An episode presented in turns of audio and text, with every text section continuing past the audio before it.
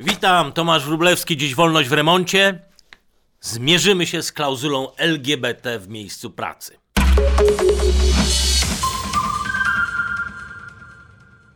LGBT to nie jest mój świat, ale nie przeszkadza mi to od kiedy pamiętam. Na studiach w Ameryce, w pracy w Stanach, potem w Polsce zawsze miałem w środowisku przyjaciół. Miałem i mam. W mojej kolekcji znajdziecie Państwo więcej takich okładek o ruchu LGBT w Stanach Zjednoczonych, w Europie. I nigdy nie rozumiałem na przykład znajomych na prawicy, którzy z taką łatwością, konserwatyści, niby rozdzielali prawa osobiste i wolności rynkowe od osobistego prawa do wyboru własnego stylu życia. Więcej, uważałem, pisałem zresztą o tym, że trwałe związki homoseksualne, nawet może małżeństwa, są większą wartością dla państwa i dla społeczeństwa niż pozostawianie ludzi w życiu w luźnych, krótkotrwałych związkach szukających szczęścia gdzieś w bocznych alejkach i ponurych barach.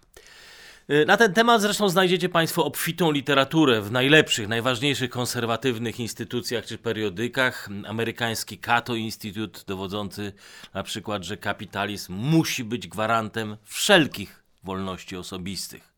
Albo orędownik y, wolnego rynku, jak tygodnik Economist, od lat dostrzegający w prawach gejów część swojej wolnościowej, konserwatywnej myśli. Żyj i daj żyć innym. Ale coś niedobrego zaczęło się tutaj dziać z ruchem na rzecz równouprawnienia LGBT. To było gdzieś tak e, lata 2011-2012. Większość zachodnich społeczeństw akceptowała już wtedy ruch na rzecz równouprawnienia. Ponad połowa Amerykanów opowiadała się za legalizacją związków jednopłciowych. W Europie to już było nawet mocno powyżej 60%.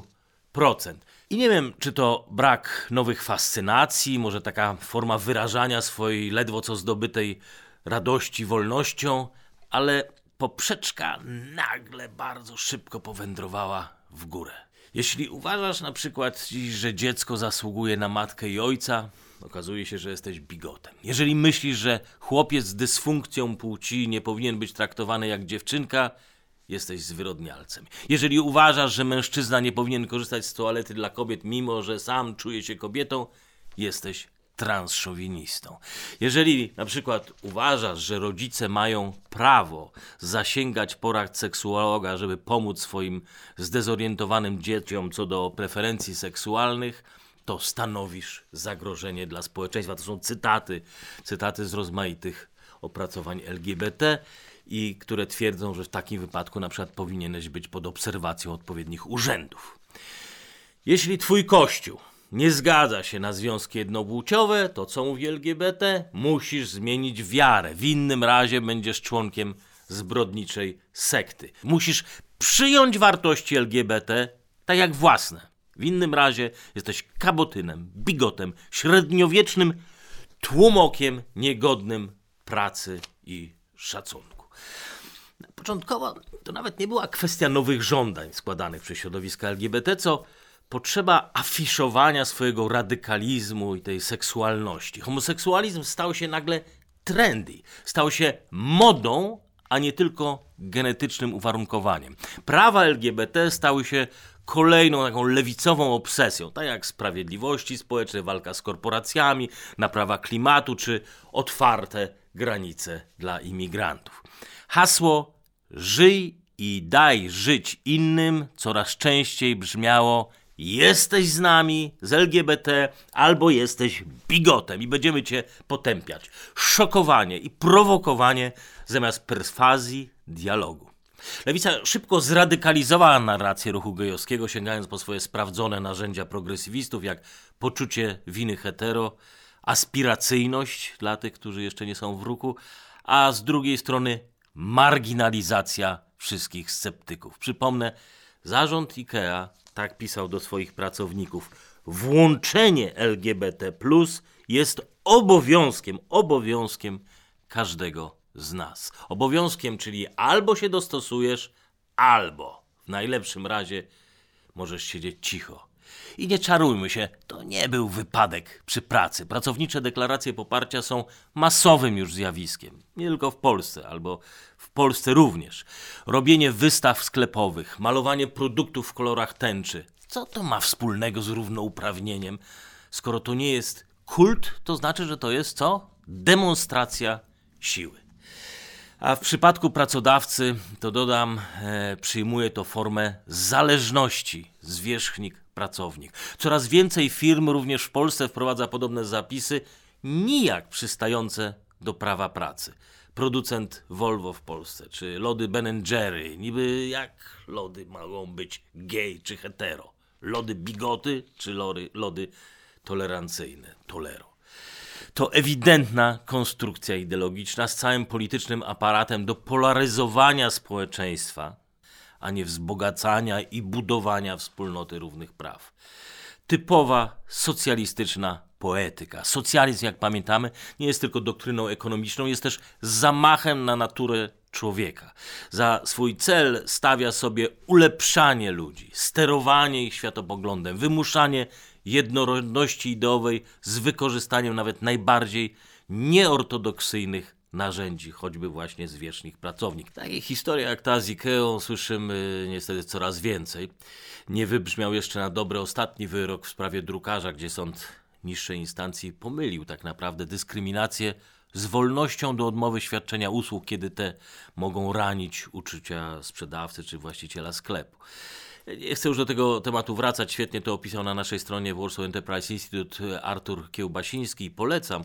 To, co mnie w tym uderza, to działanie, postępowanie tego ruchu typowe dla walczącej lewicy. Dla lewicy, a nie dla jednostek, dla organizacji strzegących godności człowieka. Bo doprawdy nie trzeba być zatwardziałym homofobem, żeby czuć niepokój na wieś o drukarzu ciąganym po sądach, o kwiaciarce czy amerykańskim cukierniku skazanym za odmowę upieczenia gej tortu. Coraz więcej zwykłych ludzi pada ofiarą agresywnego ideologizowania ruchu LGBT. Zwykli pracownicy, właściciele małych firm, którzy nagle nikogo nie prowokując, ani nie narzucając nikomu swoich przekonań, zostają moralnie i finansowo pognębieni. Tylko za to, że odmawiają celebrowania idei LGBT. Słowa takie jak mąż, żona, mama, tata mogą spowodować, że e, dziecko zostanie wydalone z francuskiej szkoły, a dorośli na przykład z pracy w kanadyjskim urzędzie, jeżeli będą używali tej terminologii. Czy to faktycznie buduje tolerancję i wzajemny szacunek? Czy faktycznie przeciwdziała większej polaryzacji społeczeństwa? Czy IKEA, pisząc, co ma być obowiązkiem pracowniczym, faktycznie działa na rzecz wzajemnego zrozumienia i tolerancji, czy może raczej nic sobie nie robi z tego, że swoimi słowami kogoś urazi? W poprzednim odcinku przytaczałem kasus amerykańskich uczelni medycznych, które zmuszane są do chowania badań naukowych i nagidania programów nauczania przyszłych lekarzy, naginania do ideologii LGBT. Pomijania na przykład ustaleń dotyczących wysokiego odsetka samobójstw wśród osób, które przeszły operację zmiany płci. Nie trzeba być homofobem, żeby z niepokojem patrzeć na podobne praktyki. Tak, nie trzeba być homofobem, żeby protestować przeciwko kalifornijskiemu programowi edukowania 3 i 4-latków w kwestiach transgenderyzmu, odgrywania ról na zmianę kobieta, dziewczynka, chłopiec, mężczyzna. Czy można nazwać kogoś zwyrodniałym rodzicem, tylko dlatego, że zniechęca swoje nastoletnie dziecko do podejmowania nieodwracalnych decyzji, zabiegów chirurgicznych i w Stanach Zjednoczonych, ryzykując utratę praw rodzicielskich, prosi seksuologa o pomoc. W szkołach i na wielu amerykańskich uczelniach studenci zachęcani są do noszenia na przykład plakietek, takie plakietki z nazwiskiem informacja zaimkowa. Ona, on, ono albo żadne z powyższych. Czy ktoś, kto nie nosi takich plakietek, ktoś, kto kieruje się zdrowym rozsądkiem w nazywaniu swoich rówieśników e, ona czy on, faktycznie jest wrogiem równouprawnienia? Czy naprawdę sądzicie, że każdy, kto kontestuje decyzję rządu Kanady z 2017 roku, uznającą, że samoidentyfikacja płciowa niczym nie różni się od biologicznej płci, jest złym człowiekiem? Czy naprawdę sądzicie, że nie ma nic niestosownego w nowozelandzkiej propozycji zmiany płci przez internet, albo w australijskim pomyśle wyrzucenia w ogóle w ogóle rubryki płeć z oficjalnych dokumentów, a informacja o biologicznej identyfikacji po urodzeniu byłaby przechowywana w rządowej bazie tajnych danych, tak jak dane o szpiegach. Tak, ja wiem, że Nowa Zelandia, Ameryka, Bruksela to jeszcze nie jest Polska i do wspólnych toalet czy płci narzeczenie to jest długa droga. Długa jest. Ale to jest ta sama droga radykalizacji całego nurtu. Wszystko, wszystkie te przykłady, które wymieniłem na świecie, wprowadzone są zawsze pod presją moralnego szantażu, użalania się nad słabszymi, dyskryminowanymi, prześladowanymi, tak jakby to wciąż był rok 1968 i początek tej drogi równouprawnienia, a bezbronne, zastraszone grupki wolnościowych działaczy spotykały się gdzieś po piwnicach i nie miały swoich praw. Czy tak jest? Nie. LGBT to jedna z najpotężniejszych dziś machin lobbyingowych na świecie. Na liście fundacji finansujących LGBT w Stanach Zjednoczonych znajdziecie wszystkie 20 największych fundacji w Ameryce z budżetem rocznym sięgający 2 miliardy dolarów. Największa organizacja gay and lesbian może sobie pozwolić na przykład na finansowanie kampanii wyborczej demokratów oczywiście, blisko 8 milionów dolarów, a w takim zwykłym, niewyborczym roku 4 miliony dolarów rocznie. W Europie dzięki unijnym dotacjom migrantom ILGA, taka organizacja lobbystyczna, ma swoje bardzo silne przedstawicielstwo w Brukseli, również oddziałujące na codzienne zachowania e, polityków. Nie jeden think tank, dom opieki społecznej, pomocy samotnym matkom czy dom dziecka chciałby mieć choć w połowie tak potężnych fundatorów. Gala, Ilga to, to są profesjonalne grupy nacisku politycznego, które dawno temu przestały być tylko ruchem społecznym, a stały się elementem wpływów, a nawet oficjalnej polityki państw, częścią polityki zagranicznej dużych imperiów, gdzie nie wystarczy już mówić o tolerancji, trzeba się z nią afiszować, a w innym razie liczyć się z retorsjami firm czy nawet obcych polityków. Kiedy e, w tym roku okazało się, że e, spada, gwałtownie spada odsetek młodych Amerykanów akceptujących działania i akcje propagandowe LGBT, największa organizacja GLAD natychmiast zwiększyła wydatki na propagandę.